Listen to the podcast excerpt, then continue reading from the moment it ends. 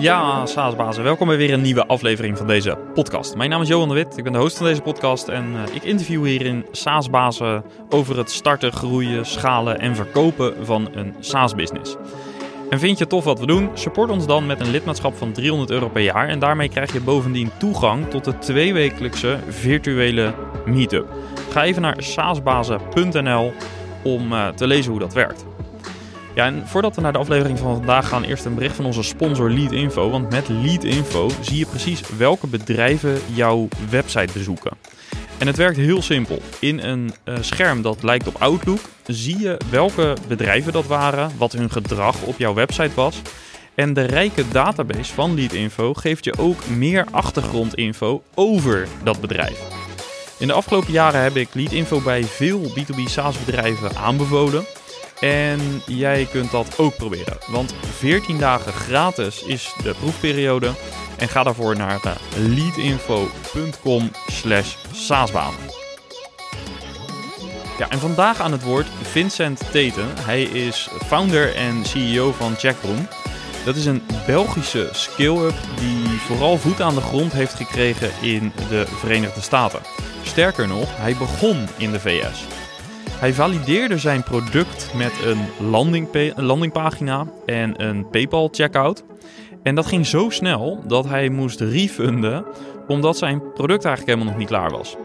Wel waren die sign-ups voldoende reden om te starten met de ontwikkeling van zijn applicatie en vandaag gebruiken talloze grote mediabedrijven zijn software. Google, ESPN, Fox, Disney, Vice.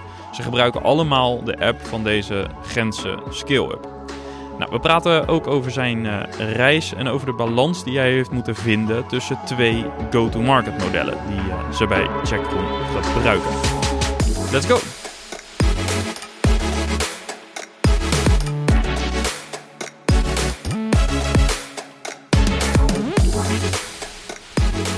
Ja, Vincent, welkom.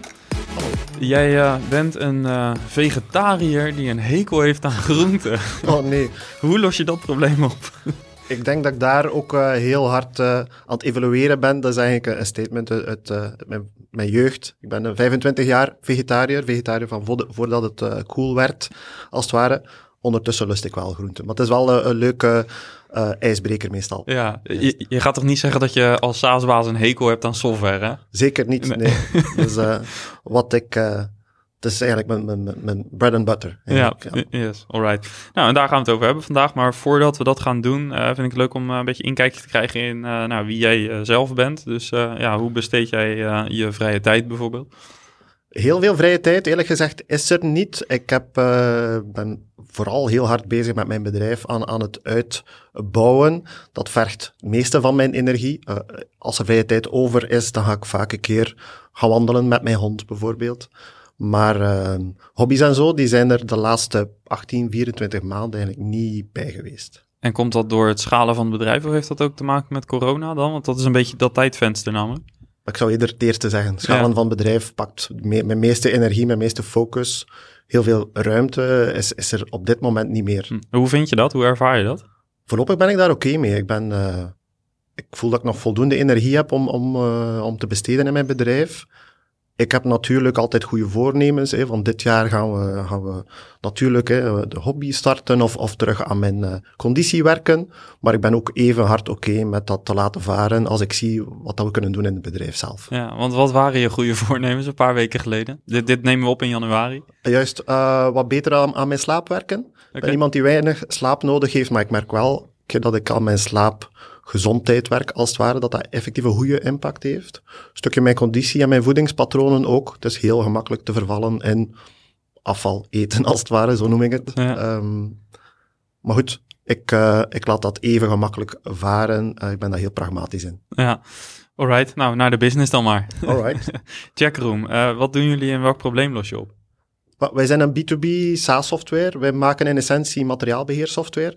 Wat dat wij doen is zorgen dat materiaalruimtes van vaak mediabedrijven, dat die heel vlot en soepel verlopen. Ja. Die, die, die mediabedrijven zitten met een heel grote uitdaging. Vaak zijn, zijn videoproducties of events, dat zijn dingen die heel hard op tijd moeten lopen, uh, heel hard de juiste mensen nodig hebben, de juiste materiaal nodig hebben. En met software, met onze onze software laat toe om dat heel goed in te plannen.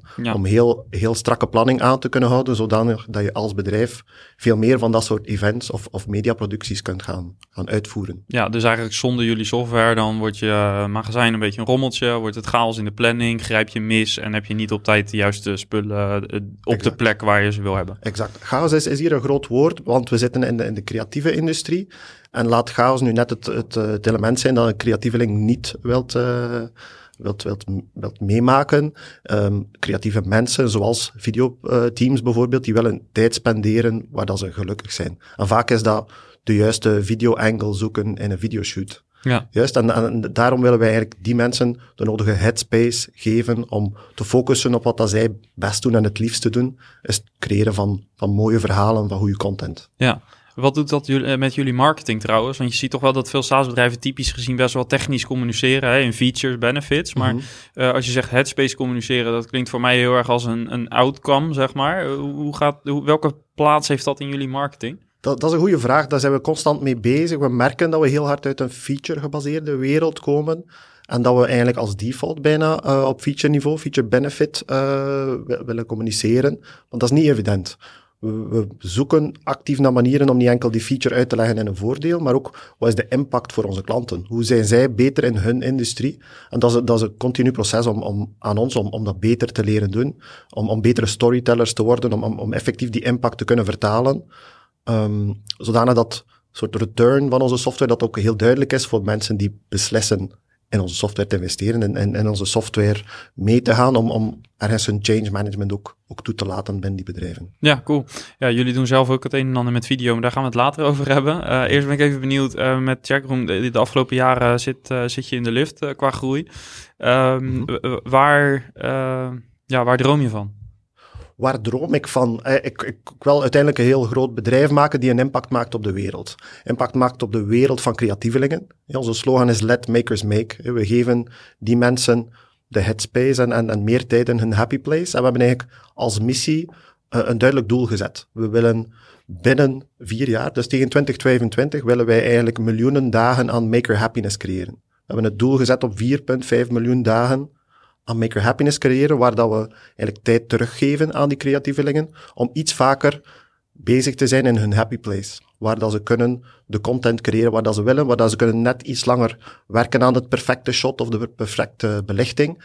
En dat we hen tijd en, en, en rompslomp besparen in het plannen van die shoot, in het opvolgen, in het terugbrengen van materiaal. Dus eigenlijk die dagen maker happiness zijn voor ons eigenlijk het core element van, van wat dat ons bedrijf succesvol gaat maken. Ja, en, en uh, is dat dan... Uh, in SaaS heb je vaak, hè, er wordt gesproken over een B-hack. Nou, dit klinkt een beetje als een B-hack voor mij. Mm -hmm. uh, aan de andere kant wordt er vaak vanuit de, de applicatie ook gesproken over een North Star metric. Mm -hmm. um, kun je die dingen een beetje bij elkaar brengen? En kun je dit meetbaar maken bijvoorbeeld? Die zijn bij ons twee verschillende dingen, maar zijn wel aan elkaar gerelateerd. Wat onze North Star metric wordt, is het, uh, de waarde van het materiaal die uitgeleend wordt en terugkeert. Dus wat is de, wat is de, de scope en, en de waarde van al dat materiaal die tijdens jouw projecten vertrekt en dan ook in goede staat moet terugkeren? Om je een idee, idee te geven, vandaag uh, zit in onze tool meer dan een half miljard dollar aan materiaal, waar dat er eigenlijk duizenden van die transacties mee gebeuren, die eigenlijk echt fundamenteel zijn om, om die mediaprojecten, om die events en zo goed te kunnen goed en efficiënt te kunnen overleven, als het ware. Ja, alright. Um, het uh, thema van vandaag, of een van de thema's, is uh, de voordelen en de nadelen van het starten in de Verenigde Staten met je mm SaaS-bedrijf. Mhm. Jullie uh, komen uit België. Um, hoe en waarom zijn jullie ja, gestart in de VS? Ja, hoe vind ik een heel moeilijke vraag, want eigenlijk is, is heel veel organisch gebeurd. Uh, we, merken, uh, ik merkte van het begin eigenlijk al dat de markt daar gewoon veel rijper is voor alle soorten SaaS. En, en onze SaaS uh, included. Um, ik ben eigenlijk ben van nature en van, van kinds af was ik um, Americanofiel. Dus eigenlijk alles van de States interesseerde mij enorm. Ben opgegroeid in een tijd van hey, MTV was, was uh, net nieuw, skateboarding, NBA, dat soort dingen. En dat is mij altijd blijven, blijven triggeren. Dus eigenlijk heb ik wel ergens een voorliefde voor SaaS. Het leuke is aan dit bedrijf, eigenlijk heb ik heel, heel rap met een soort minimum viable product gezien dat, dat, dat de States gewoon de plaats is waar dat wij moeten onze software vermarkten. En hoe zag dat MVP eruit? Was dat echt een, een daadwerkelijk uh, product of was dat een prototype waar je mee uh, de boer op bent gegaan? Het was eigenlijk nog veel lichter dan dat. Ik, ik herinner me dat ik het boek, uh, gelezen had van Eric Ries, de ja. Lean Startup, waar dat ik eigenlijk zag van oké, okay, om mijn, mijn start-up idee te valideren, hè, kunnen mensen mij vinden, hebben ze hetzelfde probleem, zijn ze bereid om te betalen? Dat soort dingen dat ik heel rap proberen af te toetsen door heel simpele landing pages online te zetten in het Engels met uh, prijzen in US dollar, uh, daarachter een PayPal-link. En eigenlijk het leuke was dat ik plots mensen kreeg die mij betaalden via PayPal, maar ik, ik had eigenlijk enkel mock-ups. Ik had enkel landing pages. En voor mij was dat de MVP of de eerste indicatie van, hmm, er zit hier iets. Hier moet ik toch dieper op gaan. En eigenlijk zijn we van hobbyprojectje Checkroom eigenlijk echt een bedrijf geworden waar dat heel veel potentieel in zit. En dat is, dat is allemaal gestart met die crappy landing page. Ja, en, en hoe heb je dat toen aangepakt, de, de follow-up? De, de follow-up was eigenlijk een refund. Ik had, uh, het, was, het was leuk om te horen van, kijk, er zijn mensen die ons vinden, maar ook, ook het publiek zelf was al anders dan verwacht. Ik dacht, um, mensen die Checkroom gaan kopen, gaan ook IT-managers zijn, zoals dat ik initieel dacht. Maar eigenlijk waren het al mensen uit de videoproductie. Waren ook mensen die... De user zelf, dus niet ja. zozeer een buyer, maar echt een user. Juist, juist. En uh, ook mensen uit, uh, die, die waren prototypes aan het maken in de snowboarding, um, met snowboarding materiaal. Ja, en toen dacht ik van, hm, er, er komt hier iets heel anders uit dan verwacht. En heb ik daar eigenlijk dat gezien als trigger om, om toch te blijven verder, verder gaan en verder uitvoeren aan het bedrijf en zien hoe moeten we daarop inspelen? Hoe kan ik de tool toch een stukje aanpassen in plaats van een heel generiek materiaalbeheer uh, software naar, naar toch iets specifiek en veel specifiekere workflows. Ja. dat is wat dat we op vandaag doen, is toch heel diep of vrij diep in die ene niche van duur, vaak mediaapparatuur uh, te gaan bijhouden. Ja, misschien is dit heel praktisch hoor, maar het, het, komt, het schiet me wel te binnen. Je hebt dan uh, dat prototype, je hebt het gevalideerd. Uh, dan ga je bouwen, maar dan weet je dat je vanuit België moet je dus uh, de klanten in een andere timezone, in een wat andere cultuur, die je misschien dan wel een beetje kent, maar dat is mhm. toch iets anders, uh, wil je gaan bedienen. Dus hoe, zag dat, die, die, hoe zagen je eerste stappen daarna eruit? Het was zo dat we eigenlijk, onze website was de, ons eerste communicatiekanaal. We hadden daar heel rap een, een intercom chat button op gezet. En onze dag bestond een stukje eruit uit één, mensen zien die trials aanvragen of, of trials beginnen. En dan twee, gewoon die chat te gaan bemannen. En dat op zich was, was wel vrij pittig. Bij momenten krijg je vaak uh, de chats binnen op, op, op uren s'avonds, waar je eigenlijk al lang uit werkmodus gegaan zit. En eigenlijk zie je dat, dat, dat uh, onze flexibiliteit in, in timezone en wanneer dat we werken en wanneer dat de rest van het team um, inspringt als het ware, dat, dat, dat we nog steeds die flexibiliteit nodig hebben om vanuit Gent, België, eigenlijk de meeste van onze Amerikaanse klanten te kunnen bedienen. 70% van onze 1000 plus klanten komen, komen uit Noord-Amerika en, Canada. En dat is, op zich, dat is op zich wel pittig bij momenten. Ja, en uh, ja, welke gedachten heb je over om, om dat probleem, als je het probleem kan noemen, om dat op te lossen? Nu zijn we bezig um, met het opstarten van een Amerikaans filiaal. Eh, echt boots on the ground. Dat is een radicale verandering met, met hoe dat we het op vandaag doen. Omdat we de meerwaarde herkennen van daar bij die klanten te zitten. Niet enkel om in de, de juiste tijdzone te zitten om, om een Zoom-call op te zetten, maar ook om die materiaalruimtes te gaan bekijken. Onze software is eigenlijk een soort digitale reflectie van wat dat er in de fysische materiaalruimte is.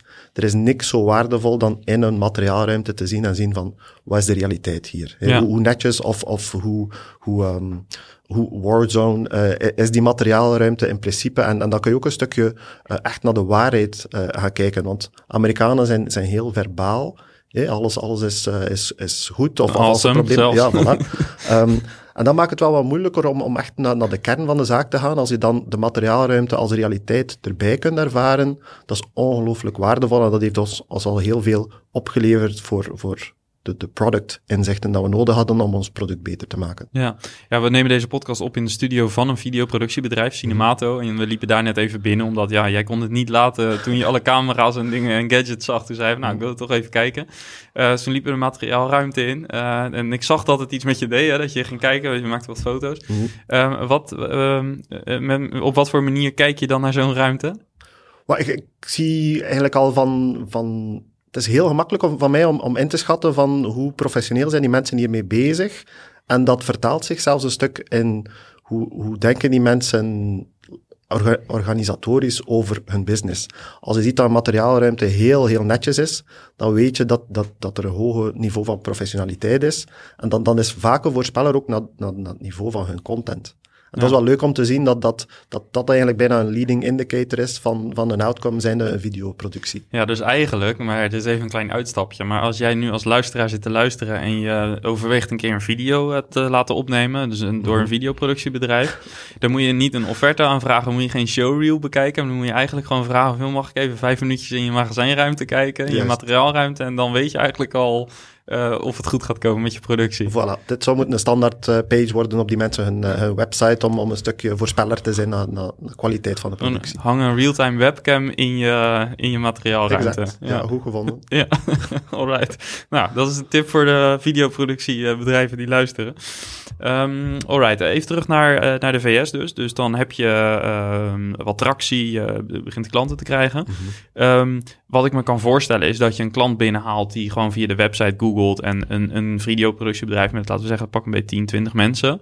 Maar je haalt ook echt grote namen in de VS binnen. Hoe gaat dat? Want dat gaat neem ik aan. Niet via één website klikje dat ze klant zijn. Maar eigenlijk wel. Hè. En eigenlijk dwong ons dat op een bepaald moment om echt onze, onze strategie te gaan herbedenken. Ik weet nog toen dat er uh, trials binnenkwamen van NBC Universal, van Fox Sports, van, van Disney en zo. Dat dat wel, dat geeft één een kick. Maar dan twee, denk je van de eerste keer, oké, hoe zit mijn go-to-market strategie in elkaar en, en, ben ik wel aan het optimaliseren hiervoor. Want we komen echt wel van, van zo'n PLG-wereld waar dat we liefst van al geen salesgesprekken nodig hadden. Ja. Dus uh, voor mij is dat toch een, een, heel harde evolutie. En dat is ook iets waar we constant met het team onszelf in vraag aan stellen zijn. Van kijk, wat kunnen we beter doen? Omdat voor mij de ideale klanten wel die grotere brandnames zijn. Omdat die ook gewoon heel gemakkelijk loyaal te maken zijn. En die hebben ook gewoon een, een, oneindige pool aan departementen die noden hebben die wij kunnen oplossen. Ja, je noemde even de term PLG, uh, Product-led Growth voor de luisteraar. Um, en Product-led Growth staat eigenlijk voor het model waarbij je uh, niet zozeer meer inzet op sales. Hè? Dus je hebt geen sales, account managers, dat soort mensen. Uh, maar je gaat eigenlijk zorgen dat jouw product het liefst self-service onboarding heeft. Dat het mhm. de user echt meteen kan inloggen en meteen zelf aan de slag kan gaan. En zelf eigenlijk zichzelf kwalificeert of disqualificeert in het product. En waar je eigenlijk low-touch of zelfs no-touch uh, strategie op kan toepassen. De andere kant van het spectrum is uh, echt een heavy sales approach. Hè? Mhm. Demo's, misschien zelfs on-site bezoeken. Ja. Um, nu heb ik op jullie website gekeken en dan kijk ik op de prijzingpagina. En dan zie ik dat ik, als ik een beetje de sliders zo instel dat ik een beetje in de basis terechtkom, dan betaal ik misschien 70, 80 dollar in de maand. Maar kan ook, het kan ook ruim over de 1000 dollar in de maand mhm. gaan en misschien mhm. nog wel veel verder in, in de prijspakketten. Uh, dus ergens heb je, lijkt het erop dat je beide go-to-markets hebt. Zowel PLG als misschien wel account-based marketing of in ieder geval echt sales-led. Mhm. Hoe vinden jullie de balans tussen die twee? Of zijn het echt twee hele specifieke tracks binnen jullie organisatie? Wij zijn, ik identificeer ons bedrijf een stukje als hybride, go-to-market, en wij zijn constant aan het zoeken naar die balans. En af en toe verhuist die balans een stuk. Het leuke aan PLG, en ik ga, daar misschien twee dingen over vertellen. PLG voor mij, ik ben van nature een product builder, en eigenlijk vond ik sales uh, een tijd terug echt een vies woord, en, en dat was mijn, mijn go-to als het ware. We bouwen een product die zo gemakkelijk te, te, te adopten is, dat mensen eigenlijk zelf hun creditcard kunnen daarin gaan steken. Op vandaag zijn we daar een, stuk verder van. Als, als je puur PLG gebruikt om, om grotere klanten, like een eh, Fox Sports, te landen, is goed. Maar ja, wat je ziet is dat je heel rap aan een bepaald plafond zit van, van mogelijkheden. de, alles werd ook gecharged op een creditcard. En dan denken we van, oké, je kunt maar een paar duizend dollar op een, credit op een creditcard per jaar chargen. Ja. Dan zijn we op zoek gegaan naar, oké, wat kunnen we nu anders doen? Hoe kunnen we stelselmatig wat meer mensen, wat meer saleskrachten um, betrekken om die trials één te gaan kwalificeren. Like, met, wie zouden we die gesprekken moeten hebben om, om wat dieper te gaan, om, om ook te zien van wat is de opportuniteit. Kunnen we hun uh, probleem um, helpen, helpen breder trekken? Kunnen we die deals gaan maximaliseren? En zo zijn we op een soort traject gekomen dat we telkens maal iedere keer meer en meer mensen in de loop aan het steken zijn. En hebben we, hebben we zelfs de no-touch naar een low touch, naar een high touch. En dat is een soort traject waarop dat we vandaag zitten. Dat is een continue evolutie en je ziet dat dat ook impact heeft op verschillende uh, departementen en ook onze prijssetting. Dus dat is, dat is, uh, dat is een, heel, een heel boeiende rit eigenlijk, om, om daar te zoeken van wat is die ideale balans. Ja, en vind je sales nu nog steeds een vieze woord? Is het een noodzakelijk kwaad of zie je nu ook echt wel uh, bijvoorbeeld ook de waarde van een sales team? Ik zie zeker de waarde van een sales team. De dingen wat ons sales team de laatste paar jaar, of anderhalf jaar, want daarvoor hadden we zelfs geen, geen, geen echt sales team. Wat dat die mensen nu doen, dat is echt ongelooflijk. De opportuniteiten dat we nu krijgen en, wat dat we daarvan kunnen maken uh, als outcome, als deal size. Ik herinner mij dat ik heel gelukkig was toen dat we eh, pakketjes verkochten van tussen de 300 en 1000 dollar per jaar. Terwijl nu aan de lage kant zit hij misschien met een paar duizend dollar per jaar. En aan de hoge kant had het al richting 40, 50 uh, k. En daar zien we nog ongelooflijk veel potentieel op. En dat is net gespot door die salesmensen. Of ons customer success team, als die mensen al klant zijn. En dat is, moest je enkel PLG approach hebben, zou je niet dat soort opportuniteiten kunnen spotten en, en vrij gemakkelijk kunnen die land and expand, zoals dat wij dat noemen, uh, gaan uitvoeren en echt grote opportuniteiten maken. Ja, en hoe hebben jullie het organisatorisch ingericht? Mm -hmm. uh, dus meerdere teams, of hoe, ja, hoe ziet dat eruit? We komen eigenlijk uit een wereld waar dat we eigenlijk enkel een, een customer success team hadden. Er is een trial, die mensen converteren via creditcard naar een, naar betalende klant. En dan gingen we via ons customer success team enkel daar gaan zien van, kunnen we helpen upgraden? Op vandaag hebben we daar een sales team bij gezet en daar zitten eigenlijk drie uh, profielen in. Eén, onze SDR's die, die leads gaan spotten en die gaan kwalificeren. Hè. Waar moeten we meer tijd in spenderen? Of kunnen we die misschien zelfs offloaden naar een self-serve uh, traject?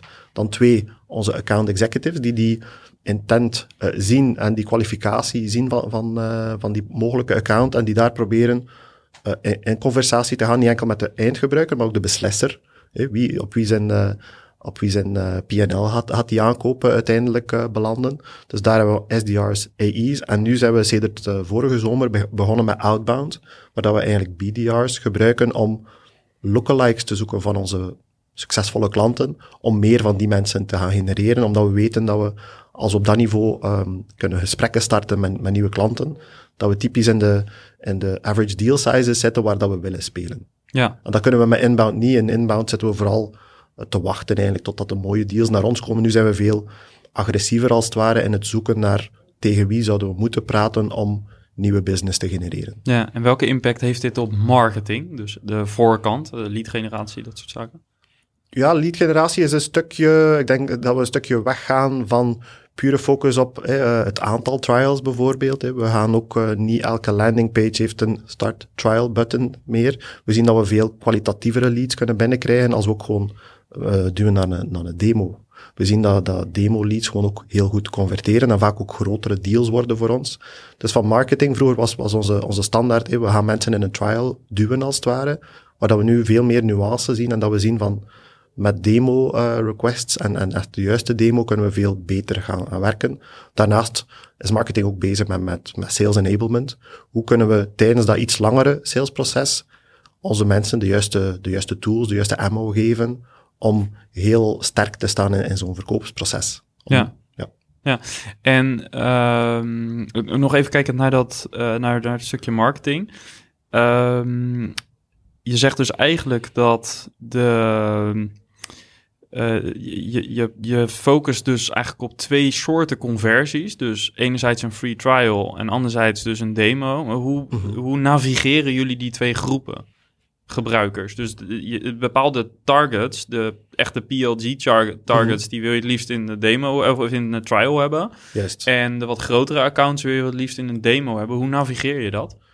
Daar zoeken we naar een soort cut-off point. Waar is het interessant om die mensen eerder no-touch te laten gebruiken? Kunnen we dat zien aan hun firmographics? Kunnen we zien aan de buitenkant van dat bedrijf is één een goede fit of groot genoeg of heeft voldoende budget?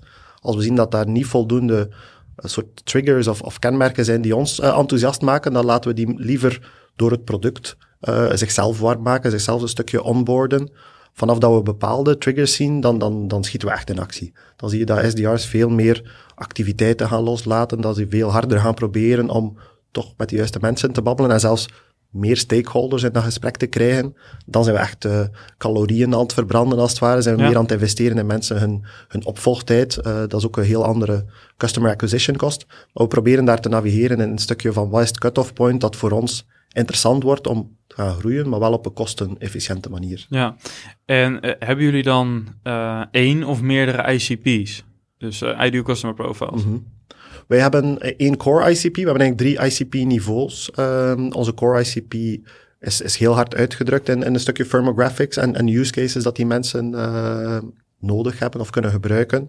Maar we hebben daar, daar rond ook nog bijna concentrisch bredere ICP-niveaus. En daar gaan we naar andere industrieën. We zien dat high-tech inspections bijvoorbeeld, of, of medical industry, dat die ook wel een goede match zijn voor materiaalbeheer. Die hebben heel veel gelijkaardige kenmerken en noden als onze core ICP, maar we gaan daar minder resources achter steken. We gaan minder uh, betalende campagnes lanceren uh, op, op, met die focus. Dus, dus, dus de, de, uh, zeg maar jullie echte core ICP, daar ga je proactief mee aan de slag. Um, en de non, zeg maar de, de niet echt core ICP, maar wel de andere profielen waar je het over hebt, dat is meer reactief. Dus die ja. Kun je gewoon onboorden. Hebben jullie een oplossing voor? Alleen die zoek je niet proactief op in lead generatie bijvoorbeeld. Juist, en dat is eigenlijk um, omdat we op dit moment, op vandaag, nog altijd bootstrapped zijn. Dus onze, onze budgetten zijn, ik, noem het vaak shoestring budgets. Dus we moeten eigenlijk zoeken waar kunnen we dat budget het beste spenderen. En het liefste spenderen we die natuurlijk op de grote um, potentiële deals. En we zien dat die, die core ICP daar natuurlijk de slimme beslissing is om daar onze centen te, te, te spenderen. We zijn natuurlijk aan het kijken hoe kunnen het bedrijf beter gaan vinden, zodanig dat we die trade-off niet meer moeten maken. We willen ook naar die ICP2, zoals dat we die heten, we willen ook uh, daarop mensen kunnen zetten en resources zetten. Ja. Maar puur bootstrap is het heel moeilijk om, om te breed, op die, die focus te breed te houden. Ja, en wat is voor jullie een moment om uh, bijvoorbeeld funding op te halen? Uh, kijk je dan naar bijvoorbeeld je CAC versus lifetime ratio of kijk je naar andere indicatoren? Maar nu is het, is eigenlijk helemaal iets anders. We willen die, uh, die Amerikaanse vestiging openen en daarvoor zijn toch wel wat centen nodig, ook om daar uh, mensen aan te werven. Voor ons is dat een van de triggers om, om nu eigenlijk te zoeken naar, extra centen. En we zijn, as we speak, bezig met een, een Series A fundraise. Veel kan ik er vandaag niet over zeggen, maar dat is wel, voor, voor ons is de trigger geweest, we willen sneller gaan schakelen. We hebben al heel veel bewezen, we hebben heel veel datapunten.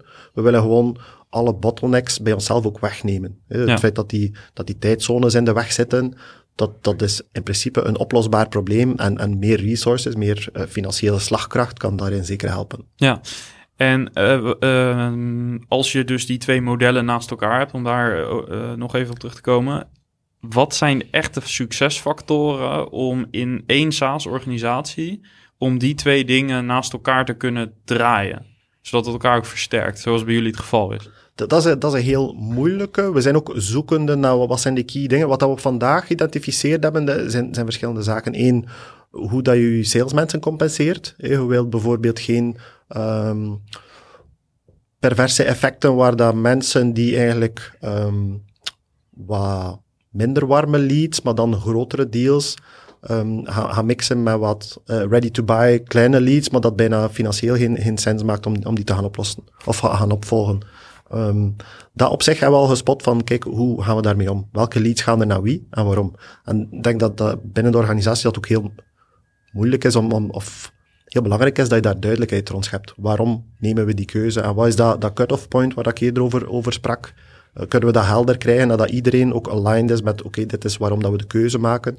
Op vandaag gaat het niet meer over kwantiteit, maar over kwaliteit en volume terzelfde tijd. Dus dat, dat is een stukje zoeken. Um, wat, wat dat daar de key, de key drivers zijn om, om de goede beslissing te maken. Ja, en dan zou je nu opnieuw uh, dit mogen doen. Dus je zou opnieuw dit, uh, het commerciële plan zeg maar, moeten opzetten met de kennis die je nu hebt. Uh, mm -hmm. wat zou je, hoe zou je het dan aanpakken? Ik zou waarschijnlijk um, een combinatie doen van minder de uitersten van het spectrum zoeken. Ik zou waarschijnlijk een, een iets higher touch sales um, approach voorstellen maar langs de andere kant toch onze productorganisatie inspireren met PLG te blijven gaan. En dat, dat gaat het niet over die eerste conversie van trial naar betalen, maar eerder van hoe gemakkelijk is het om jouw tool in een grote organisatie te adopten.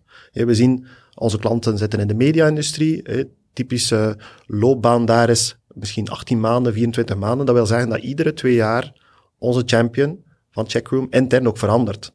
En dan is het heel interessant dat je, dat je PLG-model en je product super on point is, omdat je dan heel gemakkelijk die champion changes kunt overleven zonder dat je eigenlijk back to square one, naar, het begin moet, moet daar beginnen. En dat vind ik het leuke. Moest ik het op, opnieuw doen op vandaag, zou veel meer naar die higher end gaan, naar die higher touch.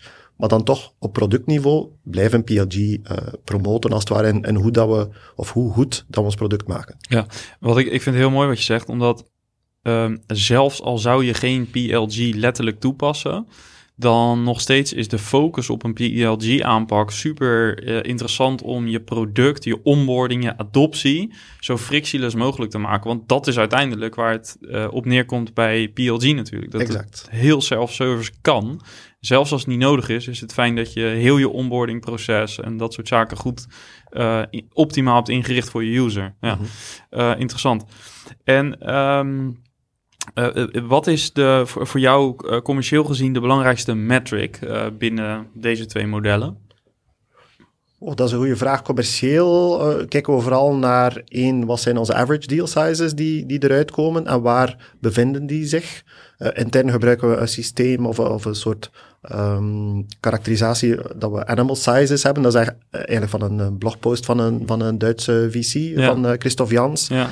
En dat, dat laat ons toe om heel gemakkelijk binnen de organisatie en, en uh, across al de, al, al de teams dezelfde terminologie te hebben over wat soort um, schaal is die klant. Ja. En dus we gebruiken dat een stuk om, om te zien van wat is die deal size, maar dan ook van de eerste keer daarnaast misschien landen ze als een, als een, klein, uh, als een klein visje als het ware. Toch zien we vanaf een bepaalde omvang is er een grote kans om, om, die, om die dieren nog groter te maken. Ja. En dat, dat is eigenlijk de core dat we, dat we vandaag bekijken, naast natuurlijk uh, net nieuw ARR bijvoorbeeld.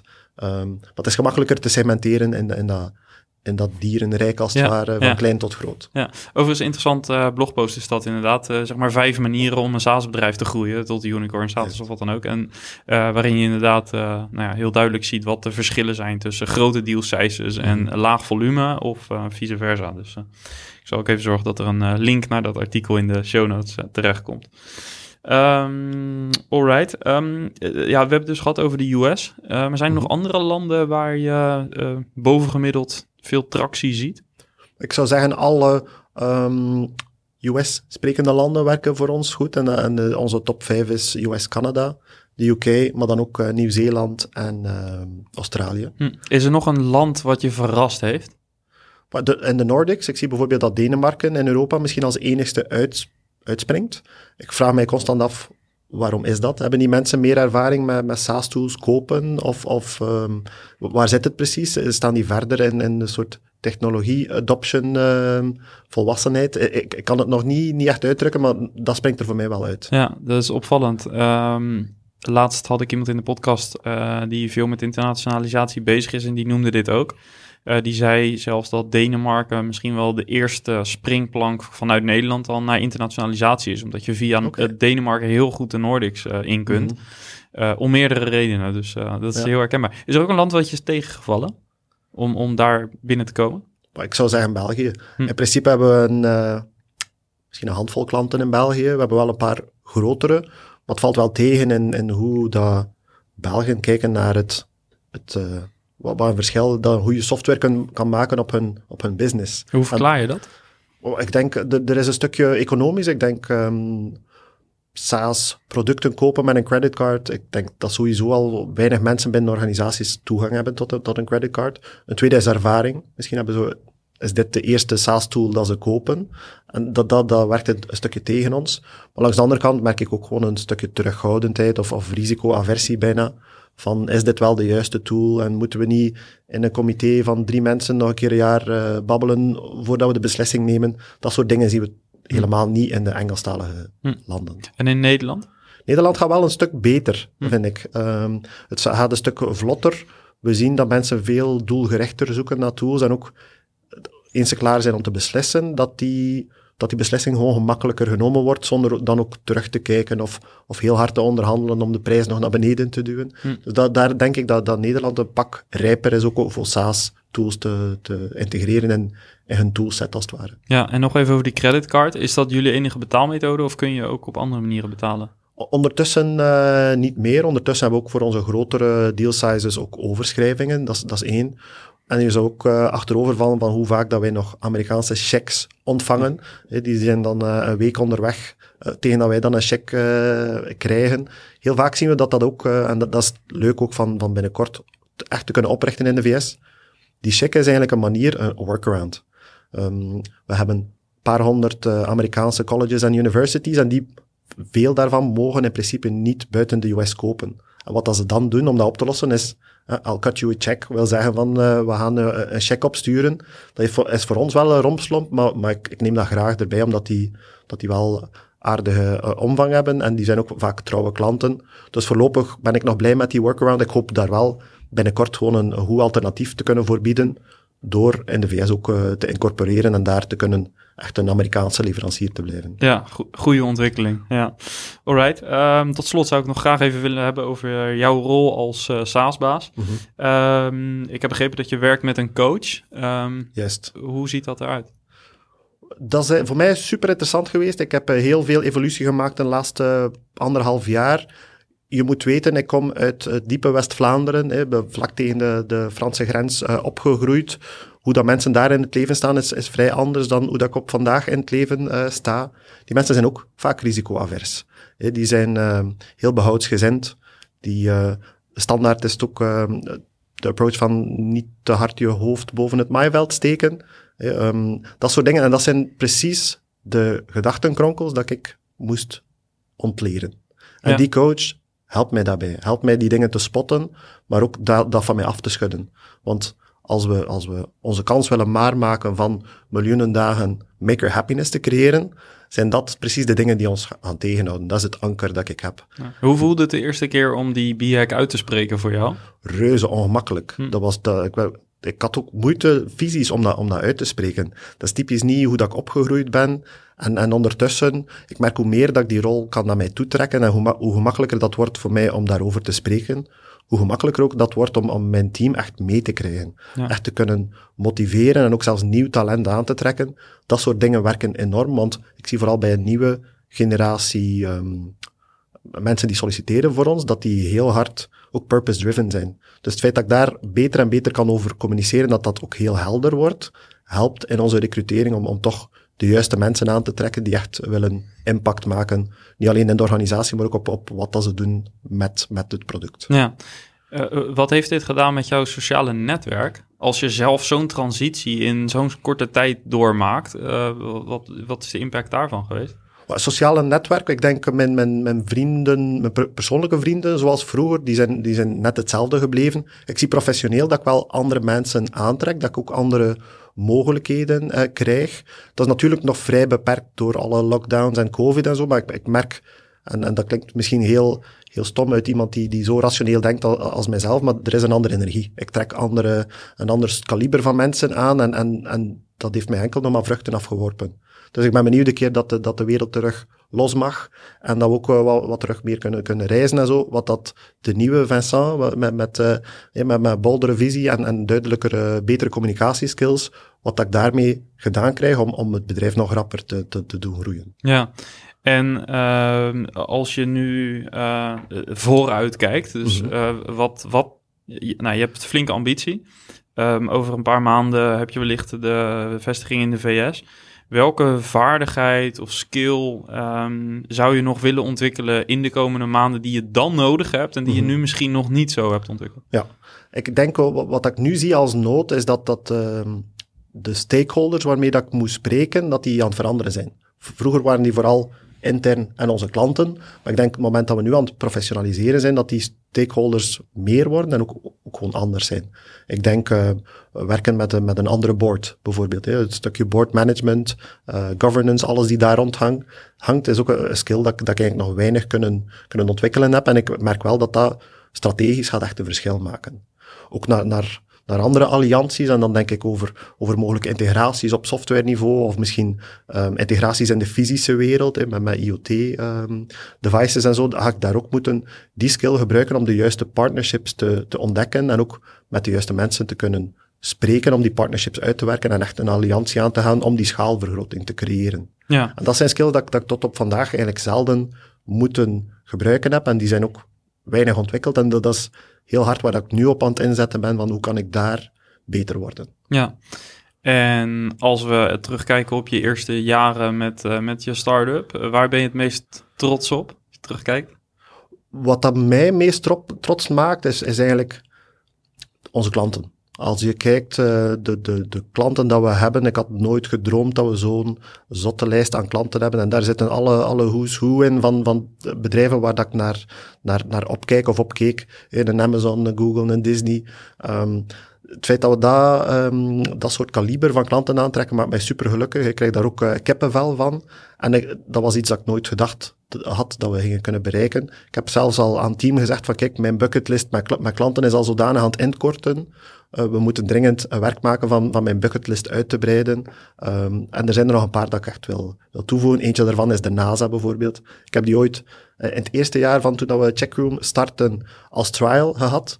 Ik had toen geen sales skills en geen sales ambities. Ik heb die ook nooit opgevolgd, of nooit goed genoeg opgevolgd. Ik het heel leuk vinden om nu daar een nieuwe kans voor te krijgen. Hè, om die binnen te kunnen koppen als klant. En dan denk ik dat mijn bucketlist al vrij goed, uh, goed afgewerkt is. Dus uh, dat maakt mij ongelooflijk gelukkig. En dat, dat inspireert mezelf en, en de rest van het team ook. Ja, super gaaf. Dat kan ik me voorstellen, dat laatste. Dat dat ook voor je team aanstekelijk werkt als je die ambitie uitspreekt. Mm, ja, gaaf. Uh, gaaf om dat even mee te krijgen. En ook bedankt voor het delen van je verhaal. Niet alleen het laatste, maar natuurlijk ook de combinatie tussen PLG en SalesLed vind ik een hele interessante. Sure, is er nog iets wat, ik, wat je wilde delen met de luisteraar? Een tip, een resource, iets waar we het niet over hebben gehad? Niet over gehad. Ik wil misschien delen nog een keer. Hetgeen dat, dat, dat mijn voornaamste vooruitgang was, was het, was het ontleren van bepaalde behaviors. Ik had nooit gedacht dat dat mijn anker was. Dat dat mij tegenhield. En als ik, als ik uh, één ervaring kan, kan wensen aan andere ondernemers die misschien wat vroeger nog in, in, die, uh, in, die, in die fun ride zitten, is, is wees ook open voor de oncomfortabele momenten waar dat je dat unlearning ook gaat nodig hebben om, om gewoon vooruit te kunnen. Ja, en wat, wat is voor jou triggerpoint geweest om zo met die persoonlijke ontwikkeling aan de slag te gaan? Ja, goede vraag. Ik denk dat dat een stukje mijn eigen limieten tegenkomen was. Ik, ik had uh, mijn vroegere versie van mijzelf had, had één oplossing voor alles, was harder werken. Dat was mijn hero mode. En op een bepaald moment lukt dat niet meer. Niet omdat er geen energie meer is, maar gewoon je kunt bijna geen impact meer maken op het traject van je bedrijf. Dus moet je het anders gaan doen. En anders gaan doen gaat over um, show up differently. Dus anders uh, in een andere energie uh, gaan starten, ook de juiste mensen aantrekken. In verschil met uh, vandaag en een jaar terug. Is, is, een jaar terug hadden we praktisch geen leadership. Had ik 17 direct reports. Nu heb ik leadership en een team van 43 mensen rond ons. Die kan, ehm, die kan het verschil maken. En het is niet mezelf in hero mode die, die nog de grote, de grote doorbraak gaat zorgen. Ik zorg vooral voor de inspiratie, Um, zorgen dat we het juiste talent kunnen aantrekken en zorgen dat we nooit blut zijn. Ja, dat is een mooie omschrijving van de transitie van een founder naar een CEO. Juist, ja, juist schitterende samenvatting. Ja. Bedankt uh, nogmaals. Ja, graag gedaan.